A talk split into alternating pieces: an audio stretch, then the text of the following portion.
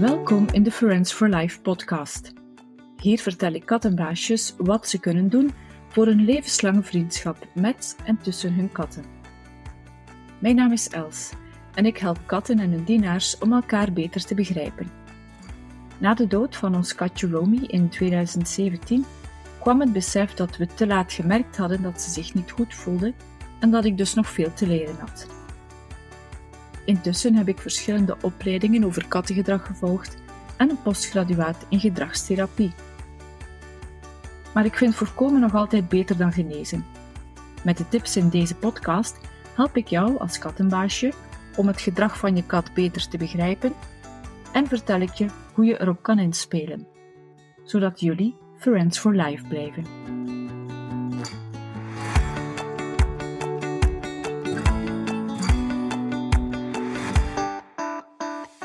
Hallo, hallo en welkom in de laatste episode van het eerste seizoen van deze podcast. Het ligt een eeuwigheid geleden dat ik ermee gestart ben, uh, toen het nog nazomer was. Maar um, ja, eigenlijk zijn het toch geen maar twee maanden, uh, dus time flies. Het waren wel intensieve maanden, want uh, ik wilde per se zoveel mogelijk van de meest gestelde vragen zo snel mogelijk beantwoorden. En mijn initiële plan was om twee wekelijks een aflevering te maken. En ik ben naar uh, wekelijks gegaan. Um, en dat heeft nogal wat tijd en energie gevergd, meer dan ik had ingeschat. Maar uh, ik ben wel heel blij dat dat ei nu al gelegd is. Want uh, ja, ik wilde dat allemaal eens gezegd hebben en, en dat is bij deze ook gebeurd. Um, in het tweede seizoen ga ik waarschijnlijk toch blijven bij het oorspronkelijke idee van tweewekelijkse afleveringen. En ik heb daarvoor al een aantal onderwerpen in gedachten. Um, maar goed, first things first, de laatste episode van seizoen 1. En voor de episode van vandaag uh, had ik gevraagd aan de lezers van mijn nieuwsbrief en ook op de socials uh, welke vraag uh, jullie graag beantwoord zouden zien. En ik heb een aantal reacties gekregen. Um, een paar van de onderwerpen komen sowieso aan bod in seizoen 2. En er waren ook vragen over de feestdagen en kerstbomen en vuurwerk en zo als mijn planning het toelaat, um, ga ik nog een, een soort eindejaarsspecial uh, maken. Maar daarover later meer. En wat blijkbaar ook heel erg leeft, is de vraag uh, hoe je je kat meekrijgt naar de dierenarts. En die probeer ik vandaag te beantwoorden. En ja, ik ga er niet flauw over doen. Een check-up bij de dierenarts en vooral alles wat daarbij komt kijken is enorm stresserend voor een kat. Um, probeer het je maar eens in te beelden. Je wordt opgesloten in een draagmand of een rugzak. Je wordt opgetild, uh, je wiebelt heen en weer. Uh, je hoort vreemde geluiden, je ruikt vreemde geuren onderweg. Uh, vreemde geluiden en geuren in de wachtkamer, vreemde geluiden en geuren in de onderzoeksruimte, uh, bepoteld worden door een vreemde, vaccinaties krijgen en dan nog heel de verplaatsing terug naar huis. Katten worden daar niet gelukkig van. Wij worden daar ook niet gelukkig van. En er zijn kattenbaasjes die om die reden de jaarlijkse visite bij de dierenarts zelfs overslaan. Nu, trust me, ik begrijp het. Ehm, ik heb er echt geen plezier in uh, om onze katten stress aan te doen. Uh, ze reageren ook bij ons allemaal anders. Uh, Oliver, dat is de oudste, die is nu tien jaar. ja, die bevriest van de stress. Dus zijn copingstrategie strategie, is freeze. Um, en ja, voor ons en voor de dierenarts is het wel gemakkelijk tussen aanhalingstekens, want uh, je hoort die niet onderweg. Uh, hij laat zich ook vrij goed doen uh, door de dierenarts. Maar ik ken Oliver, ik zie hoe gestresseerd dat hij is. En ja, het breekt gewoon mijn hart dat ik hem dat aandoe, tussen aanhalingstekens. Uh, de copingstrategie van Jamie, uh, als je al foto's hebt gezien, dat is de kat met het lange haar. Um, zijn strategie is luidkeels protest. um, en dat is begonnen de dag dat we hem zijn gaan halen in het dierenasiel. Um, in de draagmand gaan is voor hem geen probleem. Maar eenmaal het deurtje dicht is, dan begint het. Ik ga het niet nadoen. Ten eerste om mezelf niet belachelijk te maken. Ten tweede omdat ik uh, onze katten hier en jouw kat thuis niet uh, in de gordijnen wil jagen. Maar uh, Jamie zijn copingstrategie is, is een heel hoge krijs. En dan glijdt dat af naar een soort diepe grom. Dus ja, ik ga het nu toch doen. Het is een soort van Sorry, katten. Um, en dan eventjes heel diep gegrom. De eerste keer dat ik het hoorde, ik zeg het, was de dag dat we met hem naar huis kwamen, dacht ik van, wat de hel hebben wij hier nu?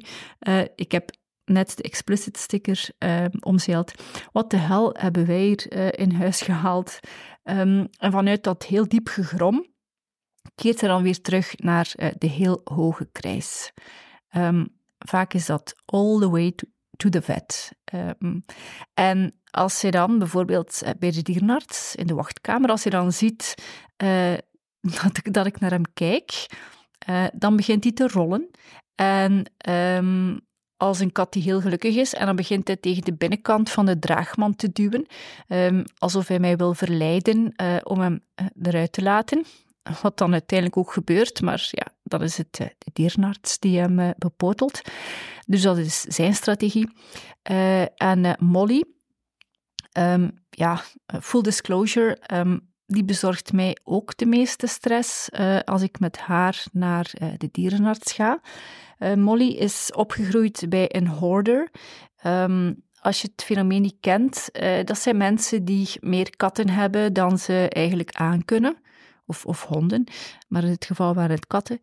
Um, door die uh, leefomstandigheden uh, is zij eigenlijk geen fysiek contact met mensen gewend. Um, en uh, wellicht door onaangepaste voeding is ze daar ook nog eens blind geworden. ze klinkt zieliger dan ze is. um, als je al filmpjes hebt gezien op de socials, dan, dan zie je dat ze heel gelukkig kan zijn, zeker als ze catnip-speeltjes heeft. Maar um, om maar te zeggen dat door Molly haar achtergrond um, het voor haar al helemaal een nachtmerrie is om, uh, om naar de dierenarts te gaan. Uh, je hebt al de, de gewone kattenstress, tussen aanhalingstekens. Um, en zij is dan ook nog eens volledig gedesoriënteerd, omdat ze geen idee heeft wat er gebeurt. Uh, ze ziet ook helemaal niks. Dus um, om maar te zeggen, ik begrijp echt wel dat de verleiding soms groot is om te zeggen: oké, uh, we laten het zo en we zullen wel naar de dierenarts gaan uh, als er iets scheelt met de kat. Alleen, en ik spreek alweer uit ervaring, um, en jij hebt het misschien ook al gemerkt, uh, katten kunnen verdomd goed verbergen dat er iets scheelt. En tegen dat wij het merken, zijn ze er soms al heel slecht aan toe. Vandaar dat ik, ondanks wat ik daarnet allemaal heb gezegd, toch iedere keer van mijn hart een steen maak uh, en ik mijn eigen stress probeer te relativeren. Door gewoon mezelf eraan te herinneren dat die stress nog altijd beter is dan achteraf te moeten leven met het schuldgevoel dat ik eerder had moeten zien dat er iets aan de hand was. Um, want um, een lichamelijk onderzoek door de dierenarts, eventueel ook bloed- en urinetests, dat allemaal kan problemen veel sneller aan het licht brengen. En daardoor heeft een behandeling vaak ook nog meer kans op slagen. Maar goed, allemaal goed en wel. Maar um, zelfs als jij zegt, die jaarlijkse check-up, ik zie het zitten, hoe zorg jij er dan voor dat het uh, geen jaarlijks gevecht wordt? Wel, om te beginnen zijn er dierenartsen die huisbezoeken doen. Dat kan al een optie zijn, mm, als jouw dierenarts eh, daarvoor openstaat natuurlijk. Maar hou in het achterhoofd dat jouw kat in haar eigen territorium veel zelfverzekerder is dan in de dierenartspraktijk en uh, zich ook kan gaan verstoppen. Ze kent alles veel beter, alle hoekjes en, en gaatjes. En dat ze zich kan gaan verstoppen waar je haar er niet meer uitkrijgt. Uh, dan kan je natuurlijk al uh, proactief gaan onmogelijk maken door op de dag van het huisbezoek bepaalde deuren uh, te sluiten. Maar uh, weet dat jouw kat heel snel doorheeft wat er dan gaat gebeuren. Hoe kan je dat ook weer opvangen of voor zijn? Door maanden, weken voordat het huisbezoek er is, al te beginnen om bijvoorbeeld één keer per week jouw kat op te sluiten, klinkt erger dan het is, in de ruimte waar de dierenarts jouw kat gaat onderzoeken. En op dat moment bijvoorbeeld eventjes te spelen met jouw kat of een heel lekkere snack te geven. En zo ga je een positieve associatie creëren met die kamer en wordt jouw kat niet angstig op het moment dat je de deur sluit. Want bijna iedere keer dat je de deur sluit, gaat er iets leuks gebeuren. En heel af en toe gaat er iets minder leuks gebeuren en komt de dierenarts binnen. Maar uh, zelfs een huisbezoek kan je afronden met een lekker snackje. En het is een beetje zoals de mensen die in Vegas uh, aan de slotmachines uh, blijven zitten. Um, jouw kat gaat nog altijd eerder denken: misschien is er volgende keer weer iets leuks. En gaat ze dat er dan een beetje bijnemen dat, uh, dat de dierenarts er af en toe tussendoor komt gefietst.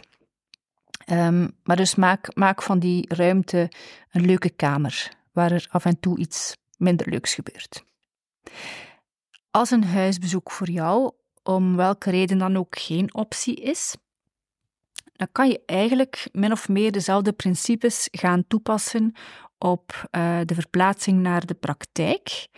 En we beginnen bij het begin, de transportmand. Um, ik ga niet alle modellen overlopen die aan- of afgeraden worden. Um, zijn er heel veel. Maar ik ga gewoon een aantal algemene principes uh, meegeven. En binnen die uh, range ga je zeker iets vinden wat, wat voor jou past. Um, een transportmand moet stevig zijn, uiteraard. En hoe meer jouw kat weegt, hoe steviger. Um, ze moet goed afgesloten kunnen worden. Kom ik straks op terug. Ze moet ruim genoeg zijn, zodat jouw kat een beetje kan bewegen. Maar ook niet zo ruim dat jouw kat van de ene kant naar de andere schuift uh, tijdens het dragen. En je moet de mand uh, idealitair ook kunnen schoonmaken, want de stress van een dierenartsbezoek kan al eens voor een ongelukje zorgen onderweg. Een tweede tip, als je dus een transportmand hebt gevonden, is bewaar die niet op zolder of in de kelder of in welke donkere hoek dan ook. Uh, katten zijn echt niet dom Um, die weten heel goed wat er gaat gebeuren op het moment dat die transportmand tevoorschijn komt. Uh, één keer per jaar of, of hoe vaak het ook is. Dus integreer die gewoon in jouw interieur. Maak er een vaste rust- of schuilplek van. Leg er een knusdekentje in. En op die manier gaat de mand uh, eerst en vooral een veel positievere associatie krijgen. Maar um, gaat ze ook heel goed alle vertrouwde geuren van jouw huis en van jouw kat uh, opnemen. Um, even een side note: dat verklaart waarom katten die je thuis niet in de transportmand krijgt, één keer bij de dierenarts niet uit de transportmand krijgt. En dat is gewoon omdat die mand op dat moment uh, die vertrouwde en veilige geur van thuis uh, heeft. Maar daar kom ik straks nog op terug, want uh, we zijn nog altijd thuis. we zitten nog altijd in de woonkamer met de transportmand. Um, wat je dan gaat doen, is eigenlijk, ik ga het sneller zeggen dan het in de praktijk gebeurt, is jouw kat laten wennen aan de transportmand en alles wat daarmee kan gebeuren. Uh, we beginnen bij het begin. Dus ik heb het al gezegd, de mand wordt eigenlijk een deel van het interieur, wordt een vertrouwde plek. En wat je dan gaat doen is uh, heel geleidelijk aan alle stapjes doorlopen die normaal gezien voorafgaan aan het dierenartsbezoek. Um, ik zal het overzicht ook in de show notes zetten, want ik besef, het is nogal veel als je het allemaal gewoon zo hoort. Um, begin er ook lang van tevoren aan maanden, I kid you not, um, zodat je je niet hoeft te haasten. En ook jouw kat niet hoeft op te jagen vooral. Dus maanden van tevoren, uh, de kat uh, kent ondertussen de mand als een, een chillplek. Uh, dan is het tijd voor stapje 2. en ik zeg niet zomaar stapje, we gaan beginnen als het deurtje van de transportmand was gehaald, is het eerste stapje om het deurtje weer aan de mand te hangen. Niks meer. Dus het blijft open, maar daar waar er eerst geen deurtje was, hangt er nu plots wel eentje. En het kan zijn dat jouw kat aanvankelijk een beetje wantrouwig is, omdat daar plots iets is bijgekomen. Maar uh, als ze na een paar dagen merkt dat het deurtje daar gewoon hangt en dat er niks gebeurt, dan gaat die angst normaal gezien uh, weg hebben. Nu, je kan enerzijds uh, bij alles wat ik nu ga zeggen, um, gewoon rekenen op de natuurlijke veerkracht van jouw kat. Uh, en het feit dat ze na ieder stressmomentje uh, na verloop van tijd terugkeert naar haar homeostase, wat eigenlijk betekent dat ze niet gestresseerd is. Of je kan haar een klein beetje helpen door uh, snoepjes te koppelen aan het hele proces. Denk aan Pavlov. Um, wees daar natuurlijk ook niet te kwistig in, want we willen ook geen katten met overgewicht. Dat is trouwens nog een, een thema voor later. Maar dus uh, snoepjes of, of de snoot uh, droge brokjes die ze normaal niet krijgt, uh, kan ook al voldoende zijn om um, een positieve associatie te gaan krijgen met de mand en alles wat daar kan gebeuren.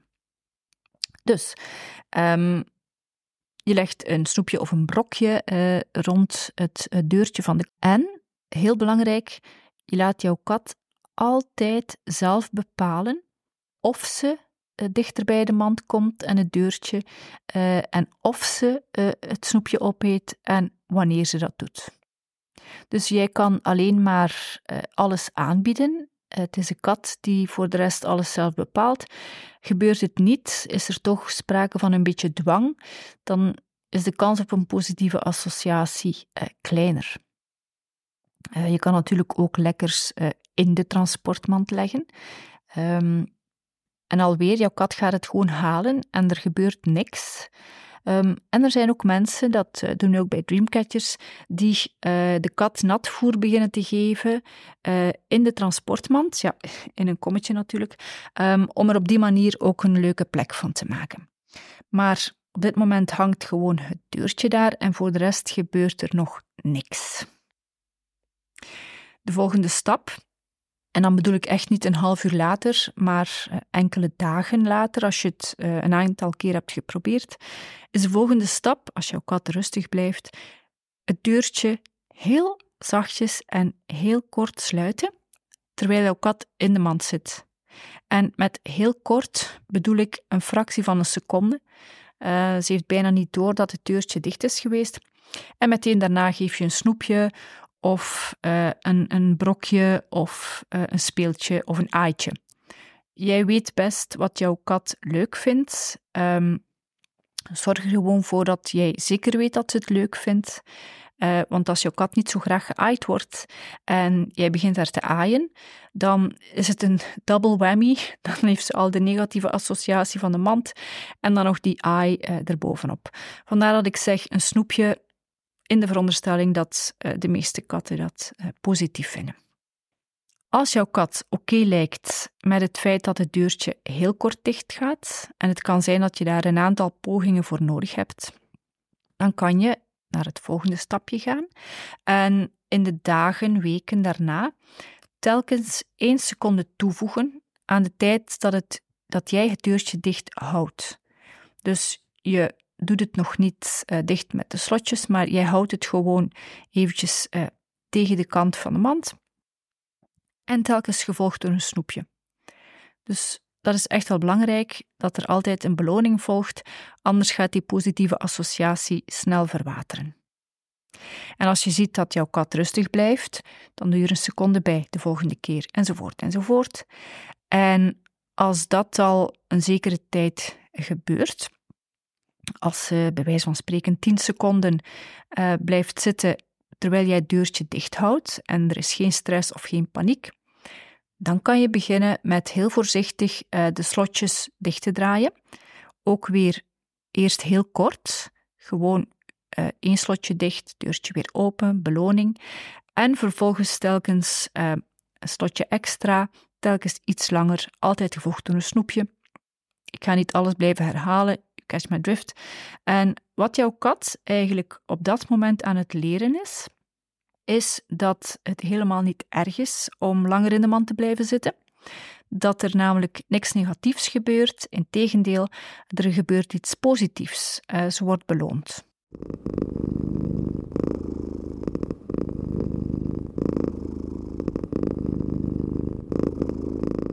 Als jouw kat dan rustig blijft zitten uh, met de slotjes dicht, uh, eh, 10 seconden of meer, dan kan je heel voorzichtig uh, een deken over de mand beginnen hangen. Dat is namelijk wat ik ook aanraad, ik niet alleen trouwens, op de dag van het dierenartsbezoek. Waarom een deken? op die manier hoort en ziet jouw kat minder triggers onderweg die, die haar stress kunnen bezorgen. Uh, wel belangrijk dat je geen al te dik uh, deken erover hangt, want het is wel de bedoeling dat jouw kat nog zuurstof krijgt.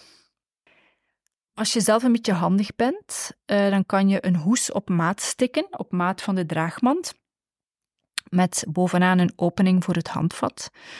of als je een handige moeder hebt, zoals ik, dan kan je haar vragen om die hoes voor jou te maken. Love you, mom.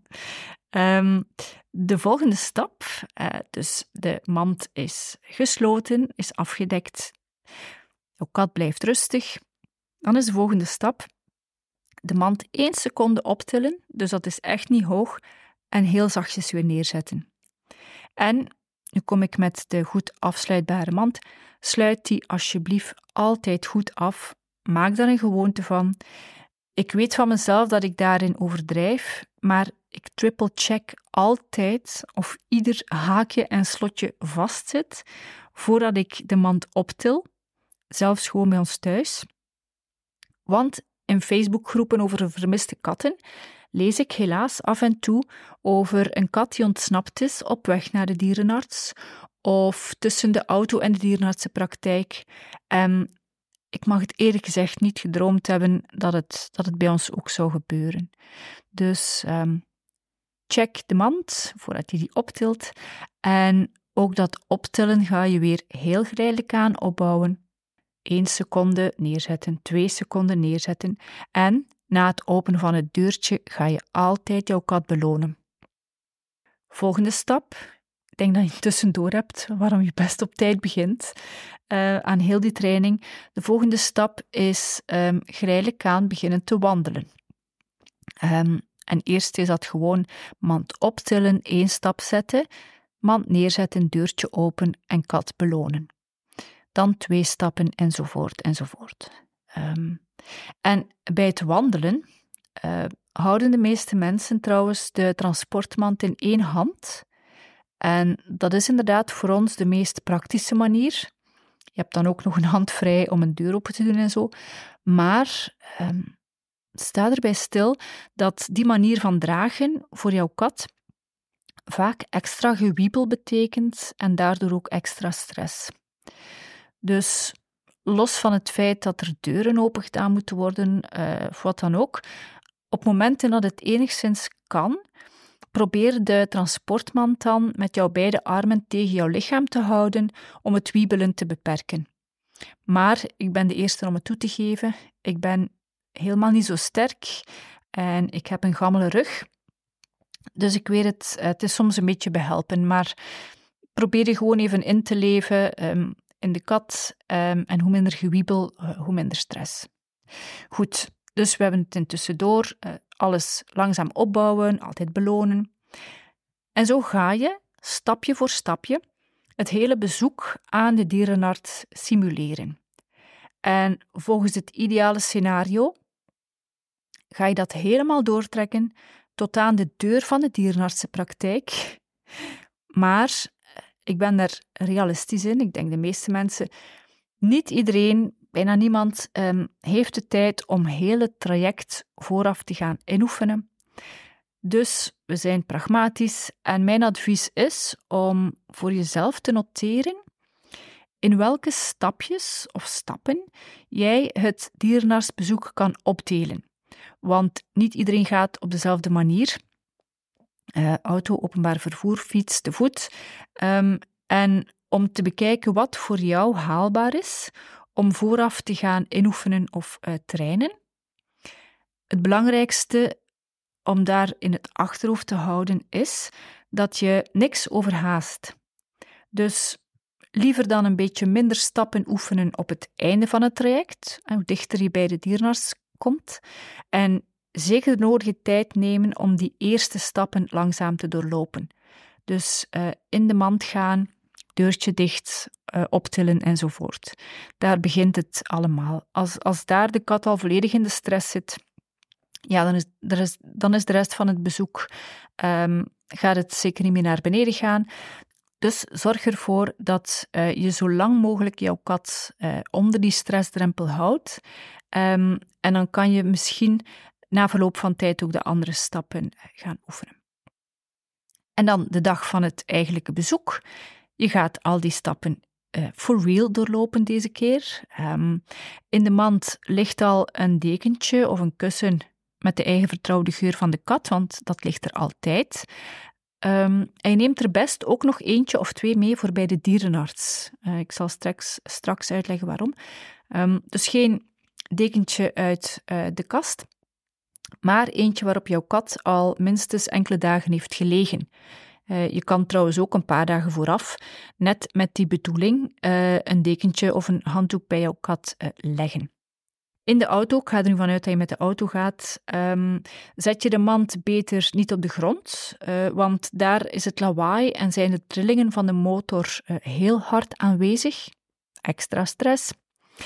Liefst ook niet in de koffer, omdat de transportmand daar kan gaan schuiven als je bijvoorbeeld plots moet remmen. Um, wat ik zelf verkies, en dat is gewoon mijn mening en ik geef het gewoon mee, is uh, de rechterkant van de achterbank, uh, omdat ik de transportmand daar kan vastklikken. Je weet maar nooit. Um, dus met de veiligheidsgordel natuurlijk. Um, en dat ik de hoes ook altijd een heel klein beetje omhoog kan doen, zodat ik de kat kan zien.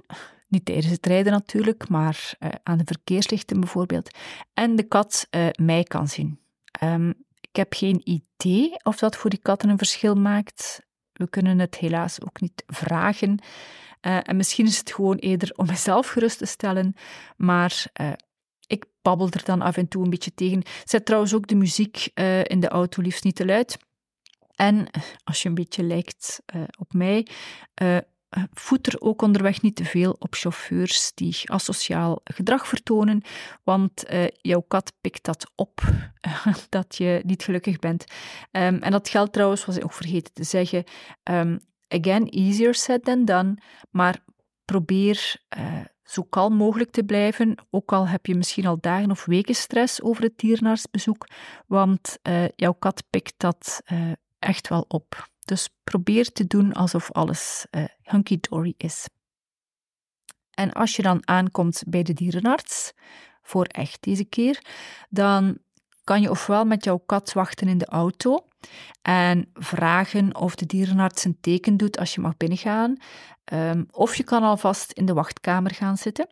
Uh, en daarbij is het belangrijk dat je je transportmand uh, niet op de grond zet, helemaal al niet als ook honden in de praktijk uh, komen.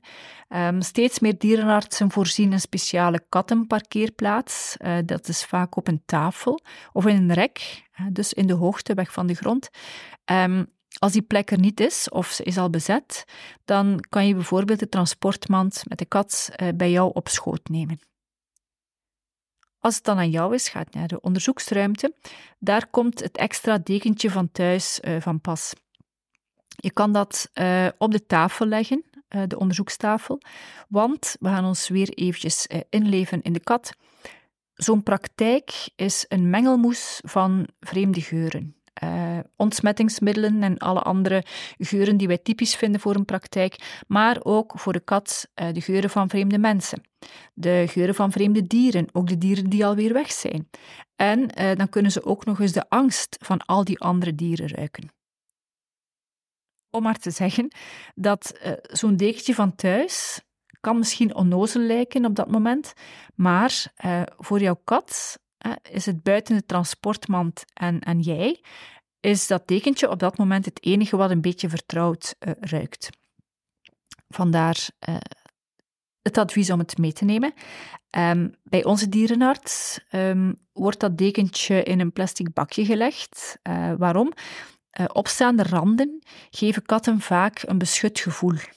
Um, ze zullen nog altijd gestresseerd zijn, daar moeten we niet onnozel over doen. Maar gewoon al het feit dat ze zich tegen een opstaande rand uh, kunnen uh, vleien, of dat ze hun kopje kunnen verstoppen in een hoek, helpt om het een beetje minder erg te maken. ze liggen daar zeker niet chill, maar het, is, ja, het zijn allemaal kleine dingen die het allemaal wat minder extreem erg kunnen maken. Um, er zijn dierenartsen die uh, katten onderzoeken in, in de, ja, de onderkant van de transportmand, dus met het deksel eraf. Um, dat is dubbel. Ik spreek me niet uit voor of tegen. ik zeg gewoon dat ja, uh, dat onderzoek in de transportmand bespaart jouw kat inderdaad de stress van uh, uit de mand te moeten komen. op dat moment is de mand haar safe haven. Maar Um, het vergroot anderzijds ook wel de kans dat jouw kat de mand gaat associëren met bepoteld worden door een vreemde persoon, waardoor op termijn die mand misschien niet meer als veilig wordt beschouwd. Dus gewoon, hoe gaat het uh, bij ons dierenarts? De katten komen wel uit de mand. Daar is soms wat overredingskracht voor nodig. Uh, zitten in het plastic bakje met een vertrouwde dekentje. Um, ze worden onderzocht, krijgen eventuele vaccinaties en dan gaan ze weer uh, in de mand. En op die manier blijft de transportmand voor hen een veilige plek, waar niemand aan hen zit te prutsen. Maar nogmaals, dat is een overweging die jij best uh, samen met jouw dierenarts maakt, um, op basis van wat voor jullie werkt uh, en waar jouw kat het minst stress bij vertoont want er zijn meerdere wegen die naar Rome leiden.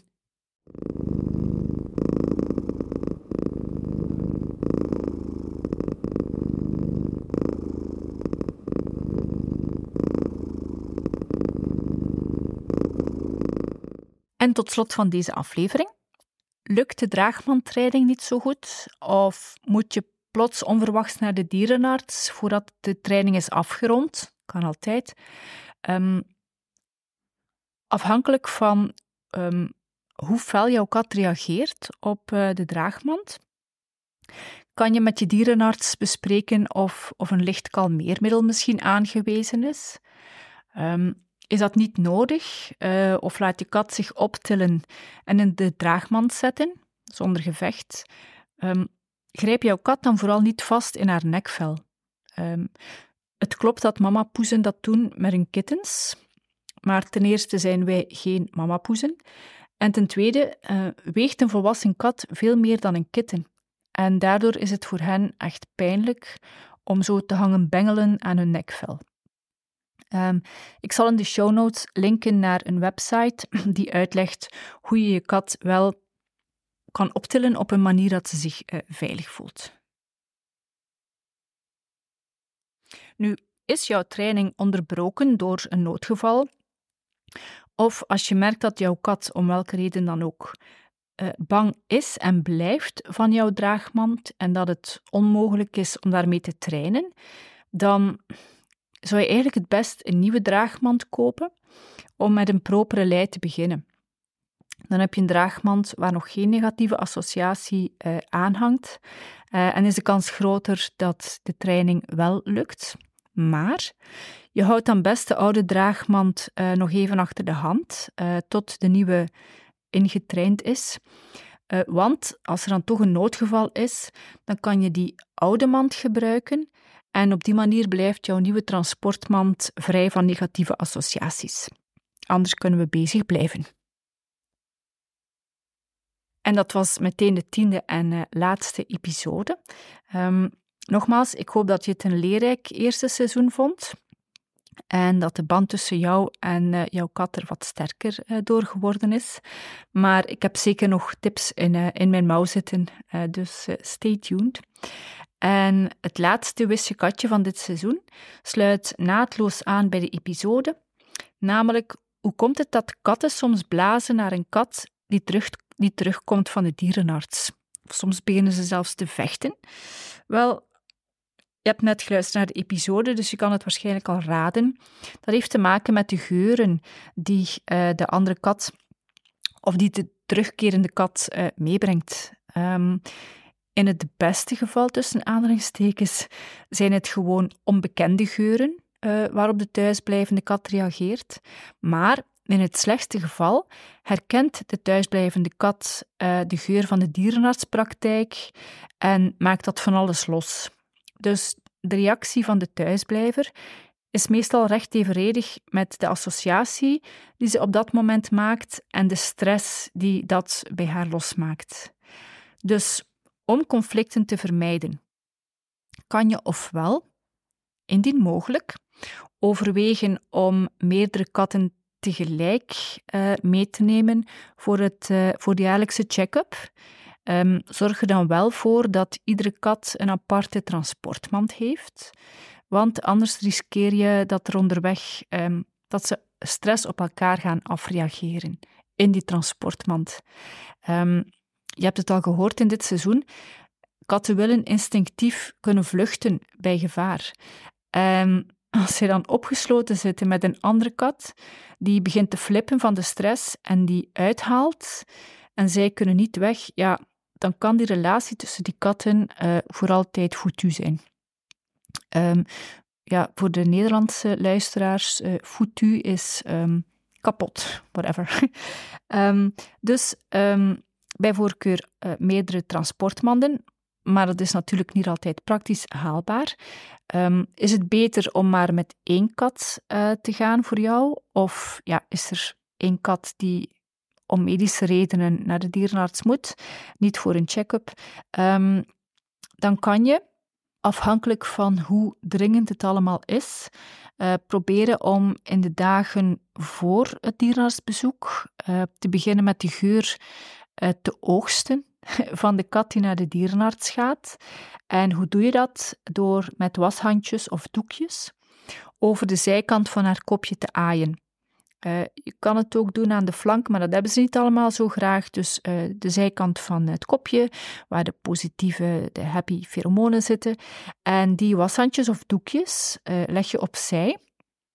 En op het moment dat je terugkomt van de dierenarts, kan je ze voorzichtig wrijven over de kat die eh, mee is teruggekomen van de dierenarts.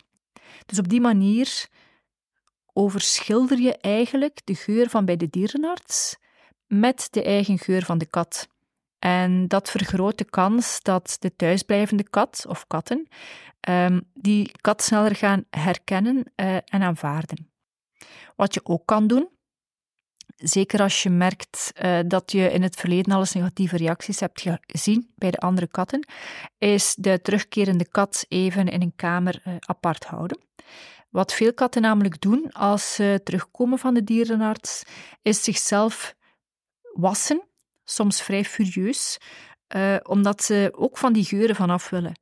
Zij ruiken zelf ook um, dat dat niet hun eigen geur is. Dus ze beginnen zich te wassen om hun eigen geur terug te krijgen. Um, welke optie je ook verkiest, de snelle met de doekjes of de trage, kat even apart houden en, en zich laten wassen. Uh, wat je best altijd doet op het moment dat de katten dan opnieuw samenkomen, vaak beginnen ze dan aan elkaar te snuffelen, is um, goed kijken naar de reactie van de thuisblijvende kat of katten. Um, begint hij te blazen of te grommen of te vechten, dan heeft ze de andere kat nog niet herkend. Uh, en dan hou je ze best nog uh, even apart, tot de terugkerende kat weer uh, de geur van thuis heeft ja, opgenomen. Um, een kat die langer bij de dierenarts is geweest, bijvoorbeeld voor een ingreep, um, die kan je misschien voor de zekerheid meteen al eventjes apart houden. niet enkel om de tijd te geven om haar eigen geur terug te krijgen, maar ook, eh, zeker na een ingreep, ehm, moet die kat misschien zelf nog bekomen van alles wat er is gebeurd, uh, zowel fysiek als mentaal. Um, bestaat eigenlijk het omgekeerde risico, namelijk dat zij gaat uithalen als een andere kat heel opdringerig komt snuffelen. Want zo zijn ze wel. Ze zijn heel nieuwsgierig. Ze denken, hm, wat ruik ik hier? Dat is niet altijd uh, slecht bedoeld, maar ze kunnen zo nogal heel erg in your face komen snuffelen. Um, ja, de kat die net is teruggekeerd, heeft er op dat moment misschien uh, geen behoefte aan. Dus uh, vandaar dat je ze best eventjes apart houdt. Goed, het was een lange aflevering. Het was ook mijn laatste wistje katje van het seizoen. Um, je mag mij altijd laten weten of je dit een interessant rubriekje vindt, um, of je eventueel suggesties hebt voor seizoen 2 voor de wistje katjes. Uh, je kan dat doen op else@friendsforlife.be of uh, via de socials. Die vind je terug uh, onderaan de show notes. En ik zou zeggen, uh, bye for now en heel graag tot in het volgende seizoen.